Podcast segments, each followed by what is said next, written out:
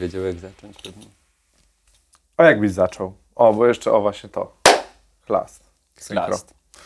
Ja bym pewnie powiedział, może przedstawił albo coś takiego, tak jak ty robisz z reguły. E, a dalej, nie wiem, bym pewnie wiesz, rzucił coś z tej, tym spotykamy się tu, aby pomówić o... Ale to jest strasznie suche i pewnie trzeba by było coś lepszego wymyślić. I tym optymistycznym akcentem. Dzień dobry, Nightcast, kolejny odcinek. Moim i waszym gościem jest dzisiaj Sir Mushroom. Dzień dobry. Cześć, jestem Sir Mushroom. Właśnie, skąd wziął się pseudonim Mushroom? Wiesz co, nie, nie jest to jakieś super szczególnie ciekawe, ale y, pokrótce kazali mi gdzieś tam w liceum założyć sobie w sali informatycznej folder, który miał mieć dwie pierwsze litery mojego imienia i dwie pierwsze nazwiska, jako że y, no, wyszło, że to jest M-A-S-Z, Masz. No i dodałem do tego rum, bo rum jest super. O, to, o okej. Spodziewałem się czegoś bardziej grzybowego, ale Nie, nie, o, o dziwo nie jest to związane za bardzo z grzybami, po prostu tak, tak, tak brzmi. okej. E, Jesteś art dyrektorem. Tak. Można tak powiedzieć. I dzisiaj w sumie, w sumie o tym będziemy sobie rozmawiali. E, ale zanim co, to powiedz mi, jak w ogóle zacząłeś swoją przygodę A z art dyrektorowaniem, B e, w ogóle w Knights of. W ogóle w Knights of. E, byłem gdzieś kiedyś na takiej imprezie, gdzie się strasznie porobiłem i, i tak leżałem taki trochę zielony, jeszcze kontaktowałem, ale sobie wtedy jakoś tak naszła mnie myśl, kurde, może bym tak rysował rzeczy do gier. To wtedy jeszcze w ogóle było niepopularne, albo ja byłem, wiesz, tak, tak zupełnie świeżakiem, że nie wiedziałem, że są takie perspektywy. Jakoś tak mnie olśniło nagle. Nie, przecież kurczę, uczę się tego rysowania, bo byłem w liceum plastycznym wtedy i tak mówię, kurde, co będę banery robił, albo coś takiego reklamowe, albo loga dla, dla ludzi. Już popróbowałem tego i wiedziałem, że to nie jest takie sexy, jakby się wydawało. E, no i e, natknąłem się na e, Yoji Shinkawy e, artbook do MGS-a, Metal Gear Solid 1 i po prostu z, roz mi mózg, e, że można tak naprawdę wykorzystując pędzel i tusz zrobić naprawdę zajebiste artworki do, do gier, koncepty i tak dalej. Zacząłem wiesz, czytać, że w ogóle co to są koncepty, e, jak ludzie to robią. I, no i po prostu jakoś tak na tej imprezie mnie olśniło, że chyba to jest to, co bym chciał robić de facto. E, no i było to akurat zaraz pod koniec e, liceum, więc no, trzeba było sobie znaleźć prawdopodobnie jakieś studia albo coś takiego. Się okazało, że w Polsce nie ma wtedy, to był tam 2007, e, nie ma studiów, które cię uczą, nie wiem, game devu jakkolwiek, nic takiego związanego, więc najbliższe, co mi się wydawało, że to będzie, że się gdzieś czegoś takiego nauczę, to ASP na kierunku intermedia. Jak no, brzmi bar- jak- trochę Brzmi jakby nie, mogło. tak jakby, kurde, jakieś media, coś tam, nie? Tam, wiesz, poczytałem, że pracownia e, dźwiękowa, pracownia filmowa, mówię, kurde, no to może, no, Mhm. wiesz, takie rzeczy, może się jakiegoś 3D tam nauczę, albo, nie wiem, digital paintingu, takich rzeczy. Się okazało, że nie, byłem strasznie w błędzie, strasznie w błędzie. E, nawet na, na rozmowie w Poznaniu, jak byłem e, kwalifikacyjnej, to powiedziałem, że e, zadali mi pytanie, czemu chciałbym tutaj studiować na intermediach. Ja powiedziałem, że w sumie to nie chciałbym, bo, bo myślałem, że intermedia to jest zupełnie co innego, a się okazało, że to jest performance głównie. Okej. I, czyli wiesz, jakby stałbym na rynku i machał czymś Aha. i, i wiesz, i zwracał na siebie uwagę i Nie wiedziałem, że takie rzeczy w ogóle na a- Akademii Sztuk Pięknych. Właśnie ja też nie wiedziałem, się okazało, że, że tak. E, No ale w konsekwencji e, tam w Poznaniu był e, profil typowo intermedia. We Wrocławiu to była grafika z, ze specjalizacją intermedia, więc poszedłem w konsekwencji tutaj do Wrocławia e, na studia. No i się okazało, że szybko, że po prostu mamy w rozpisce tam jakieś 50 parę godzin zajęć dziennie. E, Sorry, tygodniowo. No właśnie tak czekaj, 50 godzin dziennie, cholera. Żyjemy w alternatywnej Nie, rzeczywistości. nie, nie, właśnie, y, sorry, tygodniowo i e, przychodziło się na te zajęcia i przez pierwsze trzy miesiące siedziałeś pod salą, po prostu nic się nie działo, profesor nie przychodził e, i miałem takie, wiesz, poczucie, kurczę, mógłbym siedzieć teraz w chacie i się uczyć samemu, nie wiem, e, odpalić sobie jakieś tutoriale, e, cokolwiek, po prostu trenować samemu, nie? Jak już zaczęli przychodzić profesorzy na, na zajęcia, na przykład miałem przegląd z malarstwa, e, zapytałem dziekana malarstwa, e, czy mogę w ogóle przynosić digital paintingi na, e, na zajęcia, na przegląd, bo robię dużo takich rzeczy w domu. I on mnie zapytał, co to są digital paintingi. O, To już mi troszeczkę zapaliło lampkę. Ja mu próbowałem wytłumaczyć e, rzeczy rysowane na tablecie. To na mnie spojrzał, jakbym był jakimś ćpunem, że jakieś, jakie tablety ja biorę w ogóle że, że, i rysuję, o co chodzi. E, także to był ten moment, kie- kiedy sobie uświadomiłem, że nie, najprawdopodobniej stracę 5 lat po prostu zostając tutaj. Pojechałem na święta do rodziców, dałem im takie, taką atrakcyjną propozycję z mojego punktu widzenia. Słuchajcie, albo mi będziecie buleć jeszcze 5 lat i ja może coś tam wyciągnę z tych studiów, albo będziecie mi bulić jeszcze przez pół roku, nie będę chodził na te studia w ogóle, tylko zostanę tu we Wrocławiu, będę sobie siedział na chacie i robił portfolio i znajdę robotę do wakacji. No i szczę, szczęśliwie udało mi się znaleźć robotę do wakacji, ten, spełnić ten plan. Y, Starze się zgodzili na to. E, dziadkowie mnie nienawidzą, bo, e, bo generalnie jakby jak nie masz studiów w Polsce, to nic nie osiągniesz w życiu. O. Więc, więc nie, no niestety, ale to już jakby porzucić ten temat. ale E, pozdrawiamy po, pozdrawiamy tak dziadków, jeśli kiedykolwiek wejdą w jakiekolwiek urządzenia, które obsługują internet, to może na to trafimy, ale wątpię. E, e, tak, e, więc e, no, szczęśliwie udało mi się znaleźć pracę w takim startupie, nowej firmie, która się założyła, to było Can't Stop Games. E, I wylądowałem tam jako jedyny grafik zupełnie, co było bardzo szczęśliwe dla mnie w, na dłuższą metę patrząc, ponieważ e, nauczyłem się wszystkiego w zasadzie od podstaw. Miałem bardzo dobrego mentora e, i mogłem spróbować, e, znaczy musiałem w zasadzie robić UI-ki, robić animacje, e, rysować postacie, rysować enviro. Tak e, naprawdę full generalist ze w zasadzie wszystko. Wszys- wszystkiego liznąłem tam, e, co mi otworzyło taki w sumie fajny background do, do takiego właśnie całe, całościowego myślenia o, o stylistyce gier i żeby jak to wszystko jakby razem ożenić, e, dlaczego wykorzystuje się takie, a nie inne środki stylistyczne pod taki, a nie inny gameplay i jak, jak to analizować, jak dobierać to dobrze i tak dalej.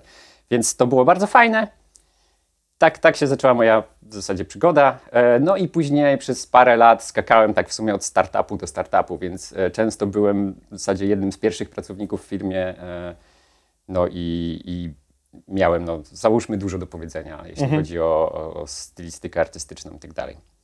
Ale to były głównie gry free to play albo mobilne i brakowało mi trochę tego, e, że wiesz, jak ktoś cię pyta na przykład, nie wiem, e, robisz gry, o, powiedz mi o jakiejś grze, wiesz, którą robiłeś, to było zawsze, e, mm, nie chcesz wiedzieć, bo to wiesz, bo to gry free to play i tak dalej i tak jakby ja nie polecam, bo nie, nie lubię tych gier, one wykorzystują ludzi psychicznie o, na, na pieniądze. Miałem dokładnie Tak, to wiesz. przez lata swojego zawodowego życia i w sumie os- ostatnio o tym z Ser Metalo rozmawialiśmy właśnie, jak, jak gry mobilne mają skopaną reputację właśnie przez tego typu Tak. rzeczy. No, ach. No, No. ciężko znaleźć takie, które będą fajne i to jest nawet przy projektowaniu to było częste, że kurczę, wiesz, mamy fajne pomysły, moglibyśmy zrobić fajny gameplay tutaj, ale nie możemy, ponieważ ludzie nie będą płacić hajsu, Mhm. No po prostu tak, jeśli tak, gra tak. będzie za fajna, bez płacenia. Nie? E, No to, to mnie trochę bolało, stąd właśnie e, zająłem się tam designowaniem, znaczy zacząłem designować po prostu po godzinach gdzieś tam swoją gierkę, którą bym chciał pograć samemu, to była taktyczna turówka. E, No i tak poznałem e, Piotra Sobolewskiego, właśnie e, e, Marcina i mm, no i tak się w sumie zaczęła przygoda moja z rycerzami, jak jeszcze rycerzy nie było tak naprawdę Okej. jako firma. Było, było chwilę wcześniej. Więc takie długie intro. To Nie no, bardzo dobrze, to wiesz, fajny, fajny background, widać, wiesz, nie wziąłeś się tu z przypadku na pewno i, i to też po, po naszych produkcjach e, widać, wiesz, no, No mam nadzieję, że to są, gdzieś są tam one jakoś... Tam... i, i ładne, i spójne, więc no, wiesz, robi tę robotę. Ale właśnie, kto to jest w ogóle art director? Każdy ma, zakładam, definicję swoją e, na, e, jakby na rozwinięcie tego. Zakładam, że każdy art director szczególnie ma e, jakby troszeczkę inne wyobrażenie, jak to działa, ale tak generalnie z mojej perspektywy, jak ja bym miał to określić, to bym powiedział, że zajmuje się dobraniem odpowiednich środków stylistycznych właśnie do, do danej gry, czyli danego gameplayu. I e, każdy ma troszeczkę inny proces tego, ale celem art directora ogólnie w, w teamie produkcyjnym jest upewnienie się, że gra wygląda jak najładniej jak może w swoim oczywiście budżecie i czasie e, tam no, wielkości zespołu i tak dalej, wszystko trzeba wziąć pod uwagę, ale że, e, żeby gra wyglądała jak najlepiej, jak najbardziej spójnie na całej przestrzeni produkcji, e, bo często no, Przykładowo, że zatrudniamy artystę, który dopiero co zaczyna i on uczy się przez całą produkcję. Produkcja trwa załóżmy dwa lata. Jego skill, jak zaczynał, nie jest e, taki sam, jak kończy. I no niestety tutaj trzeba czasami albo podciąć trochę skrzydełka, e, żeby, żeby po prostu zachować ten styl, a nie robić coraz lepiej wyglądających asetów, bo później trzeba wrócić do tych starych asetów i je znowu tam podrasować i tak dalej. Często też jest, na przykład są różni ludzie w zespole, którzy robią te same rzeczy, te same elementy gry i trzeba im bardzo jasno dać bardzo określone zasady i e, ramy, w których mogą pracować, żeby nie było widać, kto co robił, żeby to wszystko wyglądało tak, jak, jakby robione przez jedną osobę, jak z tej samej gry w zasadzie. Nie?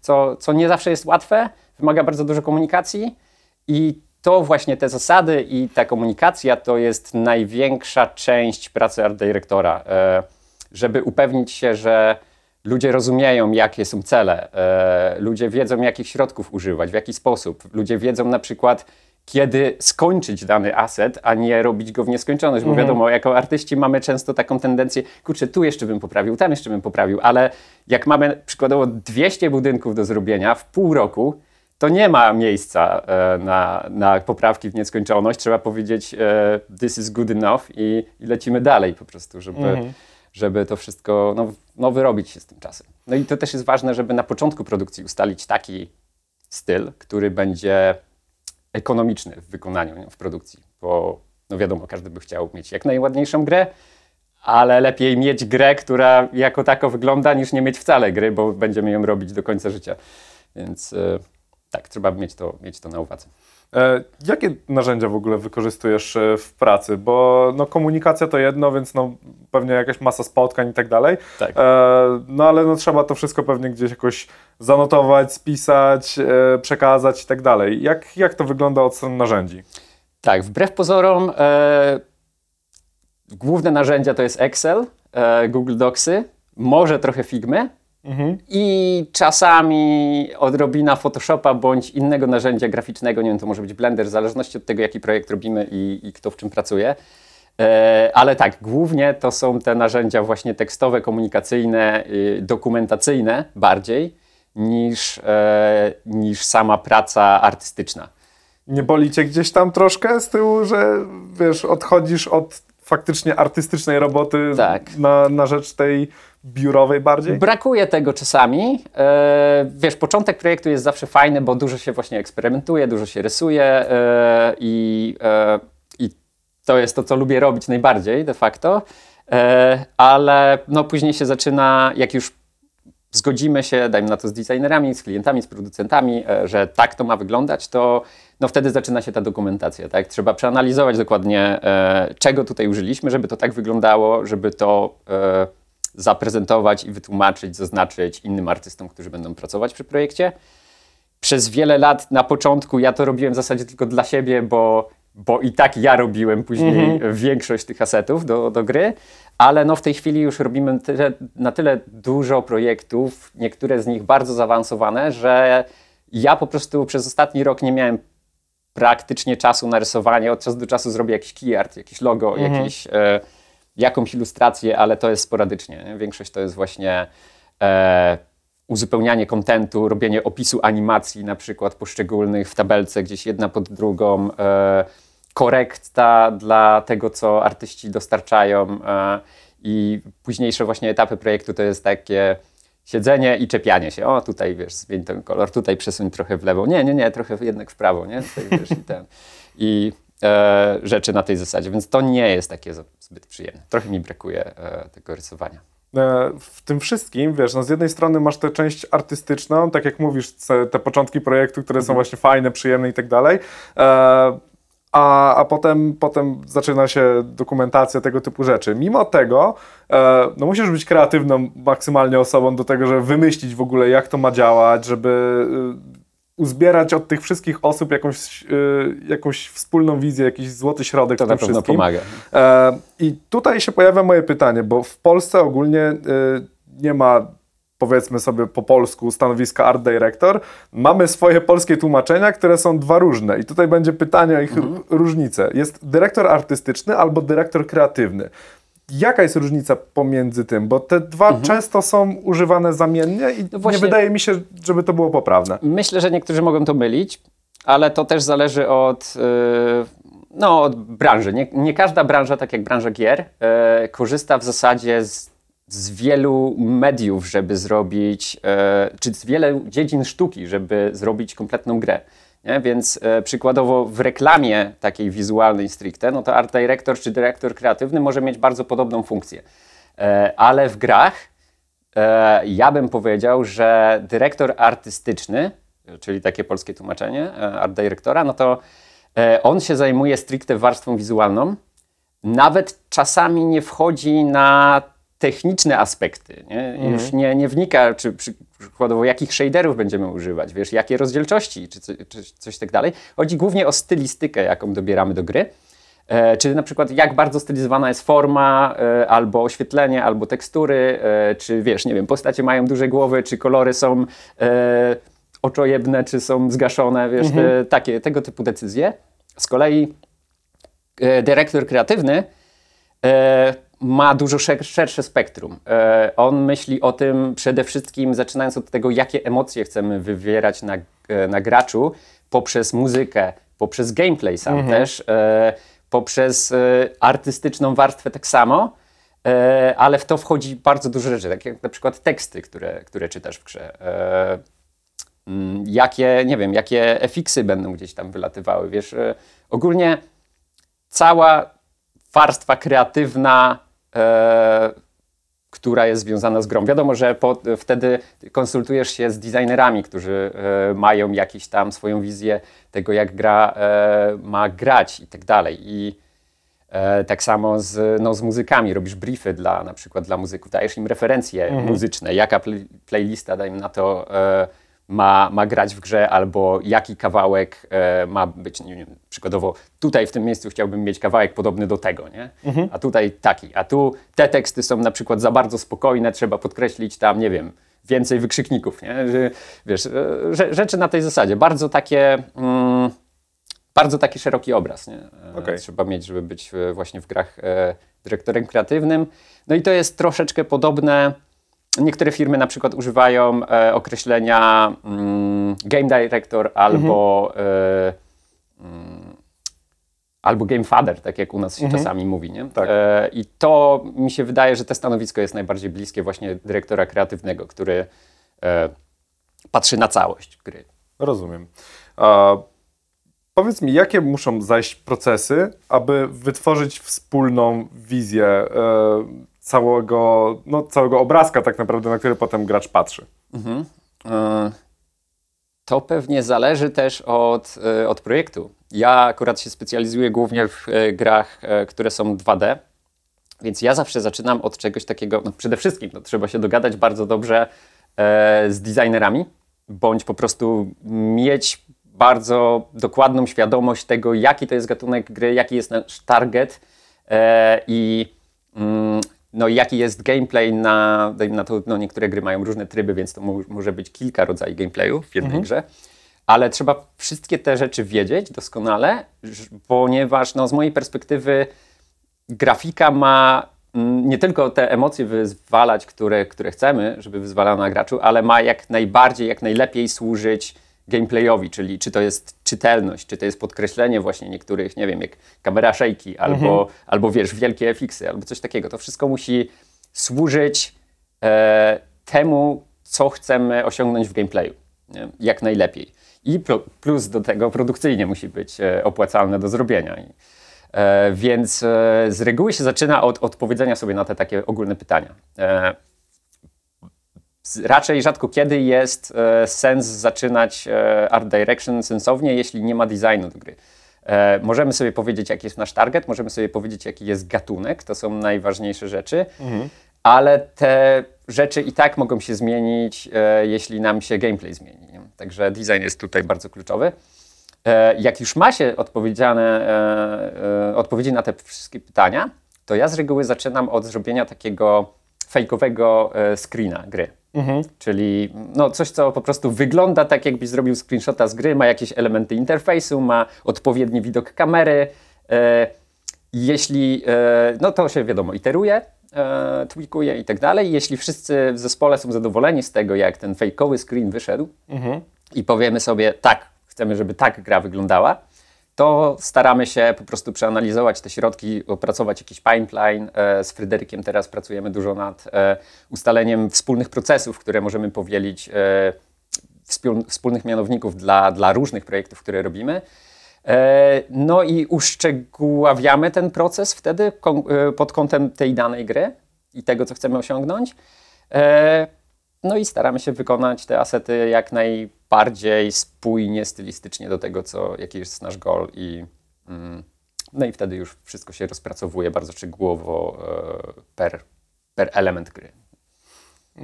Czy praca, którą wykonujesz, powiedziałbyś, że to jest bardziej praca artystyczna, czy bardziej techniczna? Ja bym powiedział, że moja praca jest bardziej artystyczna. E, mamy właśnie e, teraz e, art leada, którym jest Fryderyk i on jest e, nastawiony stri- stricte na techniczne aspekty tej pracy. E, wiesz, ja bardziej tam sobie pomarudzę i ponarzekam się poczepiam tutaj, o takie kolory mogłyby być lepsze, albo wiesz, to mi się nie podoba, weź popraw.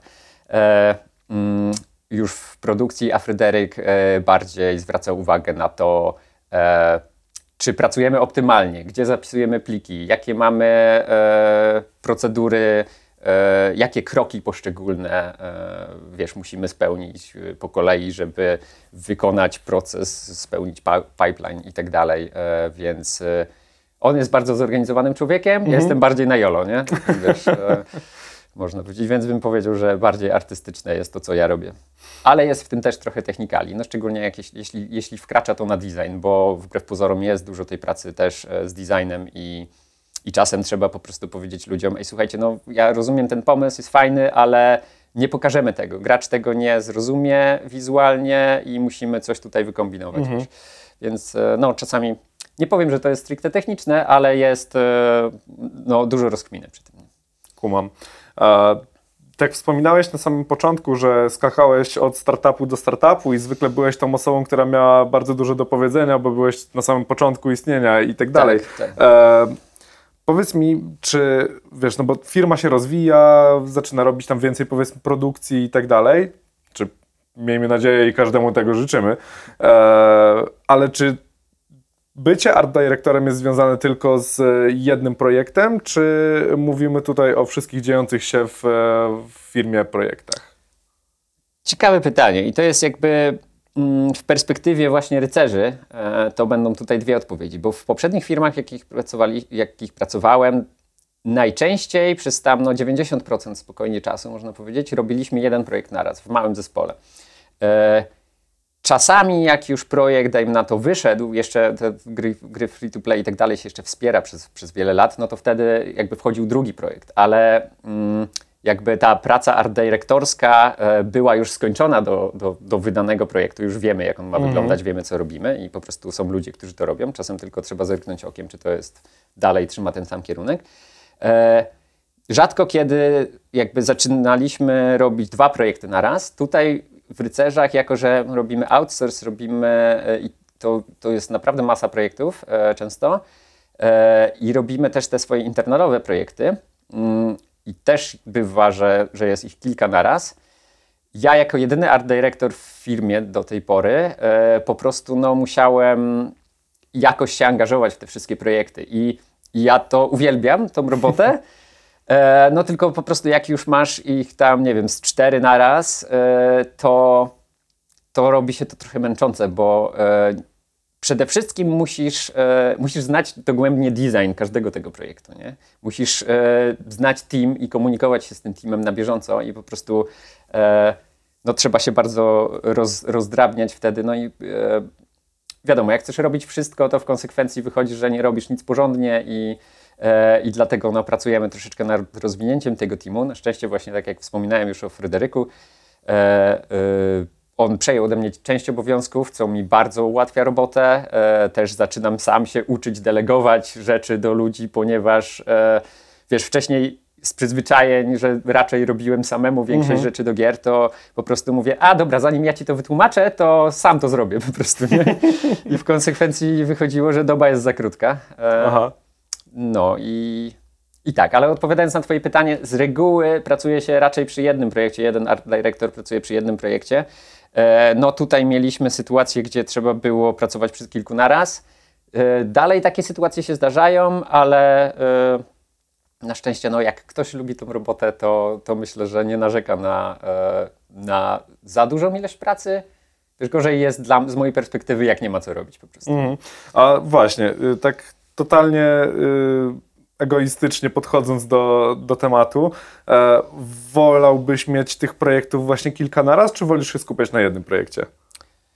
E, w tej chwili bym ci powiedział, że wolę się skupiać na jednym, ale e, z kolei, kto wie, może za jakiś czas dostanę jeden projekt, który będzie stosunkowo prosty i będę się nudził tam i wolałbym, wiesz, e, poeksperymentować z nowymi. Mm.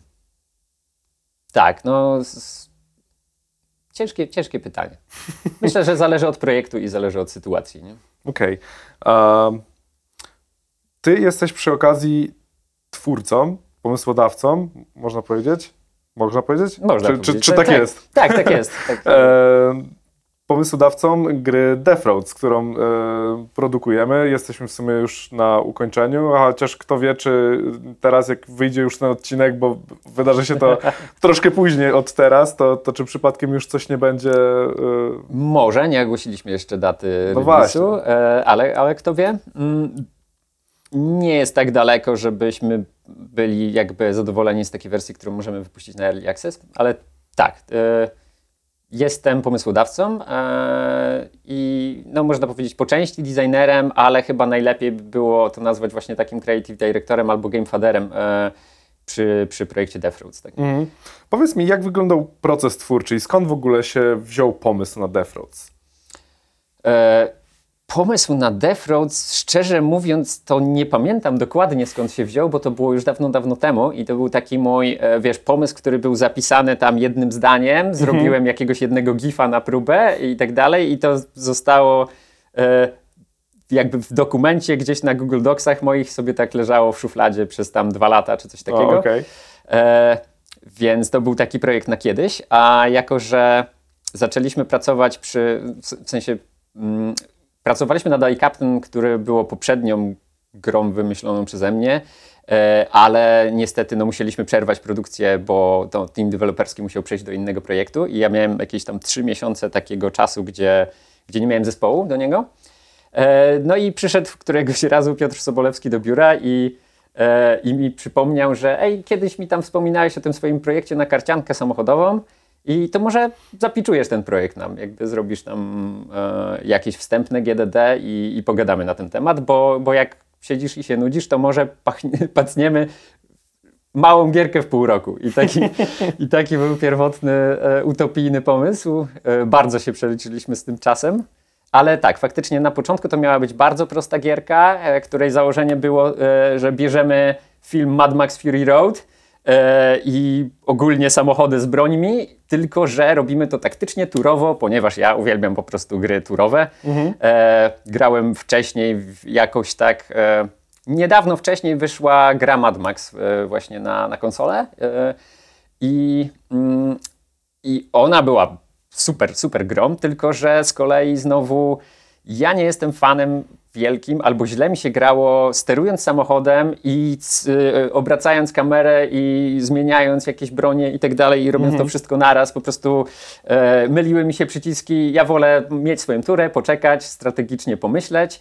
Temat dalej jakby zawsze był mi bliski, jeśli chodzi o pustapo i samochody, e, więc e, z jednej strony chciałem porysować sobie autka trochę, z drugiej strony zauważyłem, że po prostu jak opowiadam komuś o tym pomyśle, to jest takie, mm, taki instant pitch, jakby e, ktoś kiedyś powiedział, że jak chcesz sprzedać dobrze grę, e, to musisz mieć jedno zdanie, które potrafi zainteresować odbiorcę, e, żeby chciał, o, powiedz mi więcej. I to było takie, e, karcianka samochodowa. I to było te zdanie właśnie, które, o, interesting, powiedz mi więcej. No i zaczęliśmy to rozwijać. Na początku to był bardzo, bardzo prymitywny pomysł na taką gierkę, w którą byś się znudził pewnie po godzinie. E, jako, że ja nie programuję, to mm, zacząłem robić sobie prototyp e, taki w wersji planszowej. Po prostu wydrukowałem sobie karty, zrobiłem sobie taką planszę, nawet narysowałem pierwszą wersję gdzieś tam grida na kartce po prostu i sobie grałem sam ze sobą e, w zasadzie, symulowałem sobie te jakieś tam zagrania, no i zaczynało to mieć jakieś ręce i nogi.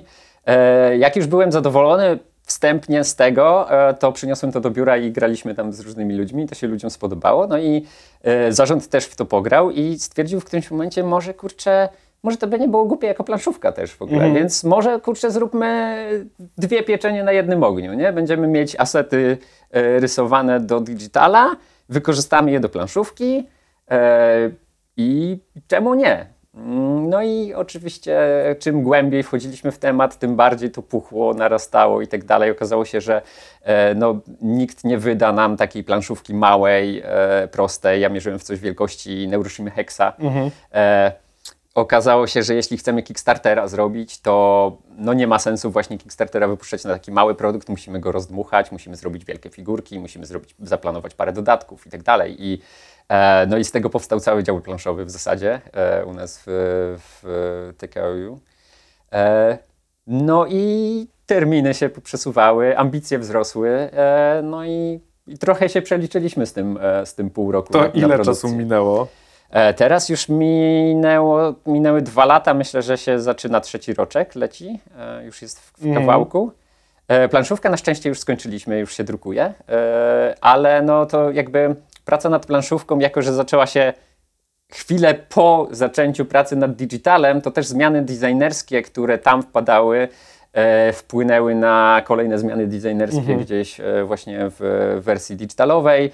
I tak ta piłeczka się troszeczkę odbijała i też musieliśmy siły rozprowadzić po tych dwóch projektach, a nie, mm, nie w jednym, więc no, mie- mieliśmy parę zgrzytów. Na szczęście e, doszli nowi designerzy do, e, mm, do wersji digitalowej, którzy bardzo, bardzo pomagają e, i bardzo wiele też wnieśli sami od siebie do projektu, więc w tej chwili już myślę, że mamy wypracowany taki, taki dobry workflow, ale no, przez, przez pandemię, która uderzyła zaraz na początku projektu, e, no, mieliśmy kilka problemów po drodze i no, nie było łatwo. Zdecydowanie był to jeden z najtrudniejszych, nie, spokojnie mogę powiedzieć, najtrudniejszy projekt w moim życiu, jaki, jak, e, przy jakim pracowałem. Także, ale też duża odpowiedzialność. Wszystko miało wpływ. Właśnie, bo spędziłeś nad tym projektem bardzo dużo czasu. E, No z jednej strony no, jesteś pomysłodawcą i, i, i też twórcą, E, z, z drugiej strony, no wiesz, powin, powinieneś niby mieć te obowiązki art directowe jeszcze w, wobec innych projektów, skoro Tak. jesteś jedyną osobą od tego. I czy praca przy Death Roads nie odbiła się właśnie na tych twoich innych obowiązkach? Odbiła się zdecydowanie. Właśnie e, nie tylko praca przy Defroads odbiła się na obowiązkach art dyrektorskich przy innych projektach, tak też w drugą stronę. Praca art dyrektorska przy innych projektach odbiła się na tym, że no, Defroads po prostu miało też swoje problemy. Póki nie mieliśmy dodatkowych designerów, e, to, to ja w zasadzie skakałem po kolach, e, obiecywałem na każdym kolu coś komuś i po prostu później skakałem na następnego kola, na którym znowu obiecywałem coś komuś i w konsekwencji nie starczało mi czasu na po prostu spełnianie tych obietnic i to w jedną i w drugą stronę, więc e, no, trzeba było coś tam pozmienić, pozmieniać w tym, e, w tym procesie całym. Więc e, no na szczęście mieliśmy mieliśmy, no, dużo, dużo nam się kadra zwiększyła od tego czasu, więc też mamy wsparcie od w- większej ilości ludzi i no, już się nauczyliśmy po prostu na swoich błędach też, czego nie robić, jak co robić, jak, jak planować do przodu i zdecydowanie jest lepiej w tej chwili. Był moment, gdzie, gdzie kilka projektów cierpiało i terminy też cierpiały przez to, że po prostu wstrzymywałem ludzi, bo czekali na coś ode mnie. Mówisz właśnie o y, zwiększeniu się zespołu. E, powiedz mi, jak wygląda w tym momencie współpraca Twoja z zespołem i jak ogólnie wygląda współpraca art, art directora z zespołem? Już nie mówię tylko o, Mhm. o zespole grafików, ale o zespole ogólnie, wiesz, z programistami, Tak. designerami i tak dalej. E, No, w przypadku art dyrektorowania do innych projektów, to, e, to to nie jest taka, e, jakby nie angażuje się tak bardzo w projekt i tak bardzo w cały zespół, e, ponieważ no, mm, raczej konsultuje się tylko z artystami i to tak z doskoku raz na tydzień, dwa razy na tydzień czasami, e, zależnie od etapu projektu. E, Jeśli projekt jest już w produkcji, e, już są te, wiesz, filary zbudowane, na których pracujemy, już art direction jest skonstruowany w jakiś sposób i przekazany, to wtedy jest łatwiej i wtedy po prostu najczęściej my sobie robimy takie spotkania w rycerzach e, z artystami, wszystkimi z firmy, e, raz na tydzień, gdzie każdy może wrzucić swoje trzy grosze e, i dać swój feedback do roboty każdego z nas przy Okej. różnych projektach. Więc wtedy to jest ten taki moment, gdzie każdy tak naprawdę mm, może na bieżąco e, wiesz, zupdate'ować, co się dzieje w różnych projektach, e, jak to robimy, no i wyłapać potencjalne rzeczy, które możemy usprawnić. Więc e, akurat mamy bardzo dużo zdolnych artystów, każdy z nich ma, wiesz, troszeczkę inną percepcję, inny background, inne skille i to nam bardzo pozwala fajnie uczyć się od siebie. Nie? I każdego feedback jest mile widziany, więc po prostu w ten sposób no, uzupełniamy fajnie swoje braki i ja nie muszę na przykład tak dużo się czepiać, bo ktoś za mnie to zrobi, nie? przykładowo. E, więc e, to jest e, tak, przy, przy normalnych projektach to jest z reguły z doskoku. Przy Defrauds jest to no, bardziej, e, dużo więcej zaangażowania wymaga, ponieważ e, no, trzeba jako e, ten creative director załóżmy, e, no trzeba doglądać i design, i muzykę, zadbać o terminy, kontaktować się z PM-ami cały czas, patrzeć na pipeline, e, rozwiązywać jakieś e, potencjalne nieporozumienia, bądź e, uzupełniać wiesz, wiedzę deweloperów i, i często wiesz, w locie po prostu podejmować decyzje, bo no, nie da się wszystkiego przewidzieć, jak się okazuje, tak siedząc sobie w piwnicy i wiesz, pisząc dokumentację. E, zawsze, kto zawsze by to jest- pomyślał, że- Jak to by pomyślał? Tak mi się kiedyś Masz genialny że, wiesz, pomysł i że on wcale nie jest aż tak genialny, nie? tak, tak. Się okazuje, że wcale nie jest aż tak przemyślany, albo e, to, co napisałeś na tam 20 stron tutaj na ten temat, to nie wystarczy po prostu. E, a powiedz mi, e, jak w takim razie na współpracę z zespołem e, wpłynął COVID? Bo to podejrzewam, że musiał być srogi cios. Był trochę, tak. E, szczególnie, no, że większość z nas tak naprawdę była przyzwyczajona do pracowania e, w biurze. E, ja sobie trochę zdalnie popracowałem kiedyś e, mm, no, jako, jako freelancer, ale nie wspominam tego dobrze, bo po prostu e, dużo czasu się traciło na albo czekanie na komunikację, aż ktoś odpisze, e, wiesz, ktoś zajrzy, nie wiem, gdzieś nagle jest na mieście, albo u lekarza, albo coś, albo po prostu pracuje w innych godzinach i e, no i blokowaliśmy się bardzo, bardzo dużo w ten sposób. Jak zacząłem pracę w rycerzach, to, e, no to większość ludzi tutaj pro, przychodziła do biura. E, jak siedzieliśmy w jednym pokoju, dajmy na to, pracując przy jednym projekcie, to była idealna sytuacja, bo e, ktoś czegoś nie rozumie, gdzieś brakuje jakiegoś pliku, albo e, po prostu możemy pobrainstormować sobie wszyscy, wszyscy na żywo, możemy podejść do tablicy i sobie porysować, pokłócić się trochę, a e, i też każdy wtedy, jak widzisz twarz innego człowieka, to też nie traktujesz jakby łatwiej ci zinterpretować e, intencje, nie? No a, tak, tak. A jak Umiesz czytasz, odczytać jakąś emocję czy coś. tak, a jak czytasz teksty na Discordzie bądź y, po prostu w mailach gdzieś pisane, to łatwo jest nadinterpretować sobie, czy doszukiwać jak, jakichś emocji, których może niekoniecznie, e, które niekoniecznie tam są. Nie wiem, mogłeś się spieszyć i po prostu użyć, wiesz, mało skrótów, e, zwrotów grzecznościowych, bo po prostu chciałeś szybko dojść do sedna, a ktoś e, no, uzna to, że po prostu jesteś, nie wiem, oschły albo szorstki, albo, nie wiem, niemiły. E, więc łatwo o, o po prostu problemy w komunikacji, jeśli chodzi o taką zdalną pracę. No i COVID nam niestety nie pomógł w tym. E, mm, zaczęliśmy widzieć konflikty w zespole i, e, i po prostu problemy w, w komunikacji skomplikowanych mechanik, za- załóżmy. Nie?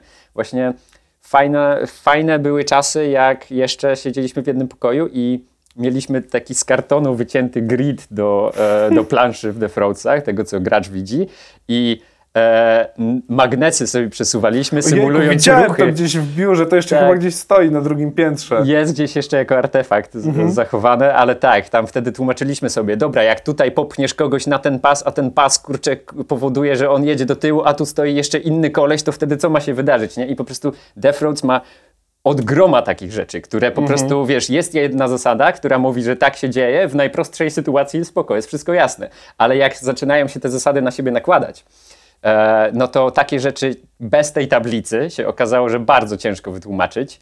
E, więc albo trzeba było robić, nie wiem, jakieś gify składać, wiesz, gdzie symulujesz te wszystkie akcje, albo po prostu usiąść i, i pisać, wiesz, taką wielką opowieść po prostu, że ty jak tutaj skręcisz, użyjesz takiej karty, która ma takie i takie symbole, to wtedy stanie się takie i takie coś, a jak takie coś innego jest to coś innego i tego się nie dało czytać po prostu, nie? W konsekwencji, więc no mieliśmy straszną bolączkę, jak wypracować sobie właśnie mm, komunikację w, i, i jak rozwiązywać te problemy. Na szczęście e, właśnie no, z pomocą nowych designerów, e, z, po prostu przez to, że już przebrnęliśmy przez te problemy kilka razy, już znaleźliśmy jakieś sposoby, żeby sobie z tym radzić i e, no jest, jest trochę lepiej.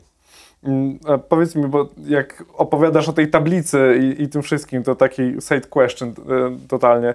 E, czy to znaczy, że Death Roads jest totalnie skomplikowaną grą i po prostu trzeba siedzieć z instrukcją, żeby skumać o co chodzi? Czy, czy tak jak jednak chłopaki opowiadali mi to jeszcze w, w zeszłym roku, też przy okazji podcastu, że jest to absolutnie prosta gra i w 10 minut każdy łapie co jest 5. Wiesz co, ja bym powiedział, że e, jesteś w stanie podstawowe rzeczy złapać szybko. E, co na pewno nie wystarczy, żebyś sobie dobrze radził w tej grze. Gra jest trudna.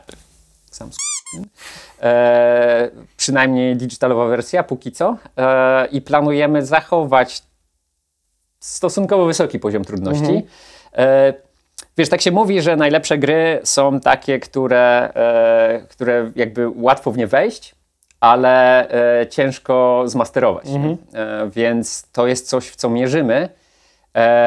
W, w trakcie developmentu troszeczkę tą poprzeczkę łatwego wejścia podnieśliśmy, ponieważ no, gra była skomplikowana jakby tak, z założenia od samego początku i była taktyczna i wymaga dużo myślenia, e, ale ją jeszcze trochę bardziej skomplikowaliśmy po drodze. E, I no, nie jest łatwo, nie jest łatwo. Wydaje mi się, że z naszym nowym tutorialem, który zrobiliśmy, który troszeczkę prowadzi gracza za rączkę, e, jest, e, jakby jesteś w stanie łatwo zrozumieć podstawowe założenia gry. E, mimo wszystko, żeby, żeby być dobrym w tą grę, e, musisz po prostu trochę diabełków e, po, po, porozglądać się, pouczyć, po metodą prób i błędów potestować i, e, i wtedy prawdopodobnie odnajdziesz dużo głębi w tej grze. E, Z tego co przynajmniej community mówi, to się całkiem dobrze bawi i poświęca zaskakująco dużo, duże ilości godzin na, e, na zabawę w Death Roots, więc coś tam tej głębi musi być. To dobrze, w sensie ja, ja na przykład lubię tam trudniejsze gry, więc dla, mnie, dla mnie spoko, e, ale wiem też, że dużo osób e, jak słyszy, a bo tu wiesz, musisz najpierw przeczytać instrukcję, żeby grać w, w grę, to mają takie, "Mm, co, instrukcja? Nie, to, to, to niekoniecznie, nie, to, to nie dla mnie. W planszówkach to jest na pewno jakby jest troszeczkę większy próg wejścia, e, ponieważ no fajnie jest znać te wszystkie niuanse zanim zaczniecie grać, żeby po prostu nie przerywać rozgrywki później w trakcie i wertujesz instrukcję i żeby, żeby się czegoś dowiedzieć, ale też już po, z tego co słyszeliśmy od feedbacku z community, jak już pierwszy raz zagrasz, to później po prostu leci bez, bez większego tłumaczenia. E, nie masz tekstów na kartach, więc masz tylko symbole, zagrywasz po prostu i jest całkiem dynamiczne. Co, co jest miłe, jak jeśli robimy grę o, o samochodach, które się rozwalają. No fajnie, żeby była dynamiczna. W sumie, w sumie tak. e, powiedz mi, y, który projekt y, w- ze swojej kariery uważasz za najciekawszy, przy którym miałeś okazję pracować? Pewnie bym też powiedział, że Death Roads, chociaż mieliśmy przez pewien czas pracowaliśmy nad takim nieogłoszonym projektem, który na razie jest też w szufladzie, e, który był bardzo interesujący. E, I tam do tego projektu dużo materiałów powstało takich e, world buildingowych, jakby budowanie świata po prostu i e, myślenie tak jeszcze bardziej dalekodystansowo, e, jeśli chodzi o produkcję, czyli e, najpierw projektujemy świat, środowisko, e, postacie, historię, zanim zaczniemy precyzować design i, i, i tak dalej. Więc, Okej. e, więc e, no niestety ten projekt na razie jest on hold, ale mam nadzieję, że do niego wrócimy, bo było to naprawdę ciekawym wyzwaniem i fajną, fajną sprawą. E, Myślę, że to jest to, co mnie też przyciągnęło do branży gier głównie, że możesz tworzyć światy, możesz tworzyć wszystko w zasadzie. W sumie I tak. Jakbyś był, nie wiem, projektantem samochodów, to byś projektował lampy prawdopodobnie do samochodów po prostu i to by była twoja Mhm. specjalizacja, nie? E, jak jesteś game designerem, e, to wiem, tworzysz postacie, które później mają swoje cosplaye, mają swoje, nie wiem, fanarty, e, tworzysz świat, do którego czasami ludzie e, piszą opowiadania i to zaczyna żyć własnym życiem. To jest e, całkiem No niesamowite. zresztą widać teraz dopiero co wypuszczony y, serial cyberpunkowy, nie? Wyszła, wyszła gra, początki miała trudne i tak dalej, Tak. a tu nagle się okazuje, że wychodzą kolejne rzeczy, nie? I nagle jest renesans, nie? I, Mm. wiesz, i, I ludzie sobie uświadomili, że to nie była taka zła gra tak naprawdę, nie? Jak ją, jak ją opisywali. Wiesz, okej, miała swoje problemy na początku, mogli ją No to wydać były, wiesz, tak, jak obiecywali, kiedy będzie gotowa. natury technicznej, nie? Umówmy się, Tak. a nie, nie z samej Tak. idei gry, nie? Ja dalej chylę czoła jako game developer, jako ktoś, kto już troszeczkę spróbował ugryźć prowadzenie projektu nie tak skomplikowanego, Mhm. nawet, nawet w procencie, no w kil- kilku procentach nie tak skomplikowanego jak Cyberpunk. Jaki to jest niesamowity nakład pracy, jaka odpowiedzialność i po prostu jak to zorganizować, żeby zrobić takiego molocha jak, jak Cyberpunk i na dodatek tak dobrze, bo no, Ja nigdy Ja na przykład nie narzekałem na, na grę, ale może dlatego, że grałem na dobrej maszynie, na PC przede wszystkim, a też nie na konsolach, które miały masę problemów, e, na jakiś najwyższym RTX-ie 3090, więc ja absolutnie skorzystałem ze wszystkiego, co ta gra miała do zaoferowania od samego początku. Ja, ja się rozpływałem. W każd każda minuta to była po prostu czysta poezja. Oglądanie tego świata może nie był tak żywy, jakby, jakby się jak obiecywali. Tak, to jest może dokładnie. największy problem. Obiecali troszeczkę za dużo, e, też gdyby, wiesz, mm, oczekiwania były po prostu zbyt ogromne. Jak wychodził Wiedźmin 3, to wszyscy byli na zasadzie, co, jak, przecież te studio mało co zrobiło, przecież im się to nie uda, co oni obiecują, nie? I nagle zaskoczyli cały świat No. nie? E, Bo po prostu oczekiwania były, wiesz, gdzieś tutaj, Mhm. nie? A oni wyskoczyli pod sufit. E, W cyberpunku te oczekiwania były jeszcze tam, hej, daleko, nie? Wiesz, a, a wyszło, że no to jest gra po prostu, nie? W sensie jest dobrze zrobiona gra, ale to nie jest y, nie wiadomo jak nowa rewolucja, wiesz, y, No na tak, rynku, tak, nie? tak. Więc... No, ludzie się spodziewali, że będą siedzieli po prostu w wirtualnym świecie e, ludzi z, e, wiesz... Z, Cyberrękoma i- cyberrękami i tak. tak dalej. Przez jakieś 300 powiedzmy godzin dostali historię, na, którą da się zamknąć w około 60. Doskonałą historię i i świetnie napisaną i, i to trzeba, trzeba oddać, ale tak jak mówisz, no jakby trochę się to minęło z oczekiwaniami niestety, Tak. Co nie umniejsza w ogóle temu, że dzieło było naprawdę świetne. Tak. No ja mam filozofię taką, wiesz, wolę e, celować jakby daleko, wysoko i zobaczyć, wiesz, gdzie wyląduję, nie? E, w sensie myślę, że tutaj e, cel był, no, był, wiesz, w kosmosie, wylądowali, no, jakby na Księżycu, nie? Generalnie, więc i tak dobrze. Ja, prawda, znaczy, no nie wiem, ciężko mi krytykować, bo po prostu chylę czoła za, za ilość pracy i, i jak, jak tak naprawdę, no jaki jest efekt. Mógłby być zawsze lepszy, ale nie, nie jest to zdecydowanie łatwe. Mogłoby być zawsze zdecydowanie gorzej, więc tak. Powiedz mi, bo rozmawiamy tutaj sobie teraz o tym, że to jest potężny nakład pracy i że no, no trzeba mieć naprawdę niesamowitego skilla, żeby w ogóle zrobić tak duży projekt, ale no, nie miałeś okazji mm, raczej pracować przy czymś tak potężnym, chyba że miałeś. Nie, nie. No więc właśnie, ale tak z Twojego punktu widzenia, e, Twoje największe wyzwanie związane z pracą jako art director. Największe wyzwanie związane z pracą jako art director. Mm.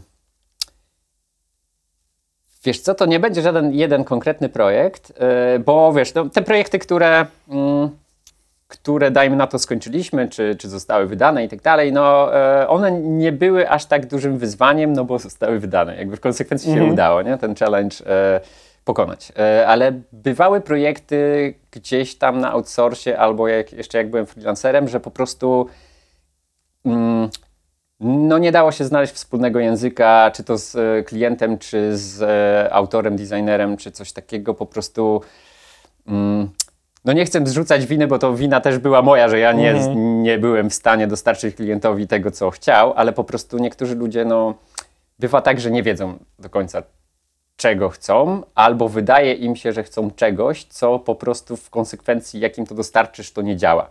Okej. E, I e, ja się staram być raczej bezpośredni i sygnalizować takie rzeczy. I jeśli uważam, że coś nie będzie działać, to od razu to mówię. Jeśli uważam, że coś można zrobić lepiej, to staram się to zrobić jakby po swojemu i zargumentować, dlaczego to zrobiłem.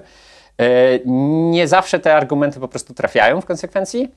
E, no i dajmy na to, współpraca się gdzieś tam rozmywa, klient mi na przykład podziękuje i to były takie, no miałem kilka, niedużo, ale ze dwa przynajmniej, e, takie projekty, gdzie po prostu się nie dogadałem z klientem. E, ja nie rozumiałem, czego on ode mnie oczekuje, on najwyraźniej z mojej perspektywy sam nie wiedział, czego chce i, i po prostu mm, prawdopodobnie ktoś inny może przejął tą robotę, ale z tych dwóch przykładów przynajmniej nie słyszałem, żeby te gry zostały skończone, więc może problem leżał gdzie indziej.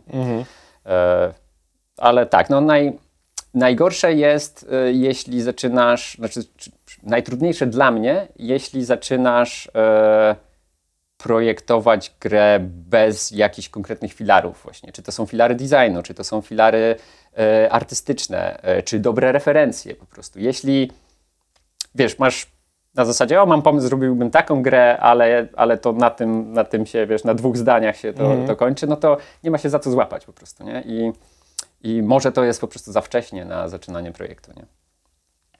E, To jeszcze zadam Ci pytanie ostatnie przed trzema pytaniami, które zawsze ludziom zadaję. W sensie każdy ma inne, żeby nie było, ale, spoko. ale zanim co, to jeszcze, jeszcze jedno takie bardziej techniczne. E, Death Road zbliża się do końca, już z, można powiedzieć, że no, planszowa wersja już jest gotowa zasadniczo, cyfrowa bardzo blisko ukończenia. E, masz gdzieś w głowie może już taki, wiesz, kolejny projekt poza, e, no chyba, że właśnie tamten, o którym mówiłeś, ten taki potężny, przy którym chciałbyś pracować, czy, czy nic jeszcze ci się takiego nie rodzi w głowie? E, wiesz co, no mam ten jeden projekt, e, ktu, z którym w ogóle zaczęliśmy przygodę z rycerzami, to jest iCaptain, właśnie Mhm. taka piracka gierka, e, która też miała być mała na początku, ale... Widziałem w ogóle gdzieś jakiś, chyba albo na targach gdzieś się tam przewinęło, można było w to nawet zagrać, tam E, jakiś prototyp był do Tak, tego. mieliśmy, wiesz, ta, ta gra miała, tak z mojej perspektywy, ja w nią wrzuciłem jakieś dwa albo, nie, albo nawet trzy lata preprodukcji. Okej, E, czyli no, wiesz, pisałem sobie i iterowałem game design doki i tam ich było z pięć wersji. E, e, zrobiłem dużą porcję grafik do tego i mock-upów e, i animacji. No i zaczęliśmy to dewelopować. Dewelopowaliśmy to przez jakieś właśnie trzy miesiące do momentu, gdzie zespół musiał przejść do innego projektu. E, I nawet pojechaliśmy z tym na PAXa, wyobraź sobie, do Bostonu. To był chyba 2019. E, I Kotaku napisało o tej grze jako jedna z tam z lepiej zapowiadających się indyków, co, No było, co było bardzo miłe. E, Gadaliśmy już z kilkoma publisherami na ten temat. No niestety musieliśmy to zaszufladkować i to miało być tak zaszufladkowane na pół roku i mieliśmy do tego wrócić. E, No e, zaczęliśmy robić te Death Roads i jako, że byłem autorem tamtego projektu, chciałbym go bardzo skończyć dalej, ale że byłem też autorem Death Roads, to stwierdziłem, dobra, nie ma szans, żebym dwie gry naraz e, ciągnął, więc po prostu musiałem podjąć decyzję, no padło na Death Roads. E, chciałem też sobie odpocząć od tamtego projektu, ale już teraz sobie odpocząłem, już bym bardzo chętnie wrócił do tej pirackiej gierki, głównie dlatego, że no, poświęciłem na nią kupę czasu własnego jeszcze e, gdzieś tam. E, dalej wierzę, że to będzie fajna gierka, ale mam też w zanadrzu z kolei kilka, już wiesz, urodziło mi się po drodze innych e, e, gdzieś tam pomysłów na gry i no mam nadzieję, że jeszcze mi rycerze kiedyś zaufają i, i będziemy w stanie e, pociągnąć jakieś tam następne projekty. Chciałbym, żeby to był iCaptain jako kolejny projekt, e, żebyśmy po prostu wrócili, kontynuowali e, tą pracę. Jest na to jakaś szansa, zobaczymy jak to wyjdzie. E, no i co? I jeszcze życie się ciągnie dalej. Mam jeszcze w zanadrzu przynajmniej z, z takie dwa w miarę solidne, solidne pitche, nazwijmy to, na, na nowe gry, ale wszystko po kolei. Jasne. Dziękuję Ci pięknie za y, opowieści. Y, wiesz, ja sprawy. nie, nie miałem nigdy wcześniej okazji, tak wiesz, dłużej pogadać z kimkolwiek, kto się zajmuje y, właśnie art directingiem, bo umówmy się z programistów, designerów, tam grafików wszelkiej maści, to się poznało w swoim życiu sporo, ale takich osób jak Ty nie jest wcale tak, e, tak dużo, za co tym bardziej dziękuję i mam nadzieję, że i nasi słuchacze i widzowie docenią. Cała przyjemność po mojej stronie. ale y, właśnie, bo mówiłem, że nie wypuszczę cię bez trzech y, takich pytań na rozluźnienie. Totalnie już będę, wiesz, poza, poza tematem. Ale zaczynam z grubej rury, także Dawaj, dawaj. Ja się I- napiję kawy, żeby być gotowym. dobrze, słusznie. I uważaj, bo y, uważaj z kim rozmawiasz. to, jest, to jest bardzo, bardzo istotne. Okej. Najlepsza część Gwiezdnych Wojen. E, Empire Strikes Back. Dziękuję. Wyjaśnij, dlaczego? E, ponieważ nie jest przewidywalna, tak jak większość filmów. E, jest jakby. Mm, świat już został e, ustabilizowany, jakby zarysowany w poprzedniej części, tak? E, więc teraz mamy. E, mamy zaplecze na e, rozwinięcie tego świata i zwiększenie troszeczkę stawki. E, I mm, ja, zresztą ja się wychowałem, może, może dlatego mi się też podoba, ja się wychowałem na e, Dragon Ballu. I, i te, dlaczego porównuję teraz? Jakby Dragon Ball to było w zasadzie większość Dragon Balla, to jest Goku trenuje, żeby być silniejszym, żeby pokonać jeszcze tam silniejszego przeciwnika i jest jakby e, i podobna struktura jakby jest właśnie w Empire Strikes Back. Luke trenuje, rozwija się, e, zaczyna się wkręcać bardziej w filozofię Jedi, e, po czym przegrywa de facto. I to mi się bardzo podoba, że nie jest typowo o znowu happy end, tylko Właśnie to. kończy się ten film w bardzo ponurym tonie. Jakby Luke, Dokładnie. Luke traci rękę, e, Han Solo jest zamrożony, tak? E, I po prostu i co teraz? E, jakby no stawka jest, jest poważniejszym filmem Jest- po prostu niż... E, Zajebisty cliffhanger. Na sam Tak. koniec jest po prostu coś, coś bajecznego. To jest majstersztyk. Tak. Dziękuję. To jest po prostu...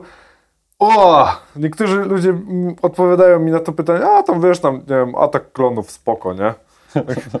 Okej, nie no mordo, okej, druga część, owszem, ale nie tej trylogii. tak, tak. No. Nice. E, to z twojej teraz, wiesz, dziedziny, farby czy flamastry? Farby. Wiesz co, nie, nie rysowałem za dużo flamastrami nigdy. E, jako, że byłem w plastyku, to tam, wiesz, bardzo konserwatywna, e, konserwatywna nauka sztuki była, to e, musiałem malować farbami, w konsekwencji to polubiłem. E, chociaż już bardzo dawno nie malowałem. Teraz mój, moje go-to to jest po prostu tablet albo, e, albo iPad. E, bo jest po prostu szybciej. Nie? Farbami musisz, wiesz, mieszać te kolory, czyścić te pędzle co chwilę, e, no i nie ma, A które nie ma Ctrl-Z. naj, najbardziej lubiłeś? E, wiesz co, akrylowe, ponieważ schną bardzo szybko, e, wybaczają błędy. Jak zrobisz jakiś błąd farbą olejną, to później musisz czekać tydzień, aż to wyschnie, żeby to zamalować. tak, no są oczywiście sposoby, ale tak, jakby lubię, lubię akryle, bo jestem niecierpliwy. Okej, rozumiem. E, no i ostatnie pytanie. W góry czy nad morze? Tak bardzo, bardzo ogólnikowo. góry. Ja się wychowałem na, no, na Pomorzu, nie powiem, że nad morzem, bo to było daleko do morza, ale no, byłem częściej nad morzem niż, niż w górach i po prostu jakby no, polskie morze jest takie, mm, tak, takie se. Wolę w Polsce zdecydowanie wolę góry, za to jakbym, nie wiem, był gdzieś za granicą, typu takie, wiesz, takie morze albo ocean, gdzie są palmy, to pewnie bym wybrał plażę, nie? Na zasadzie. E, no ale jesteśmy w Polsce, więc jeśli mam w Polsce wybierać, to wolę góry zdecydowanie. Super. Dziękuję Ci bardzo. E, Ser Mushroom był moim i Waszym zresztą też gościem. E, I zachęcam oczywiście do sprawdzenia innych odcinków, e, tych poprzednich, tych następnych, bo pewnie ktoś to ogląda w przyszłości, bliżej niezdefiniowanej.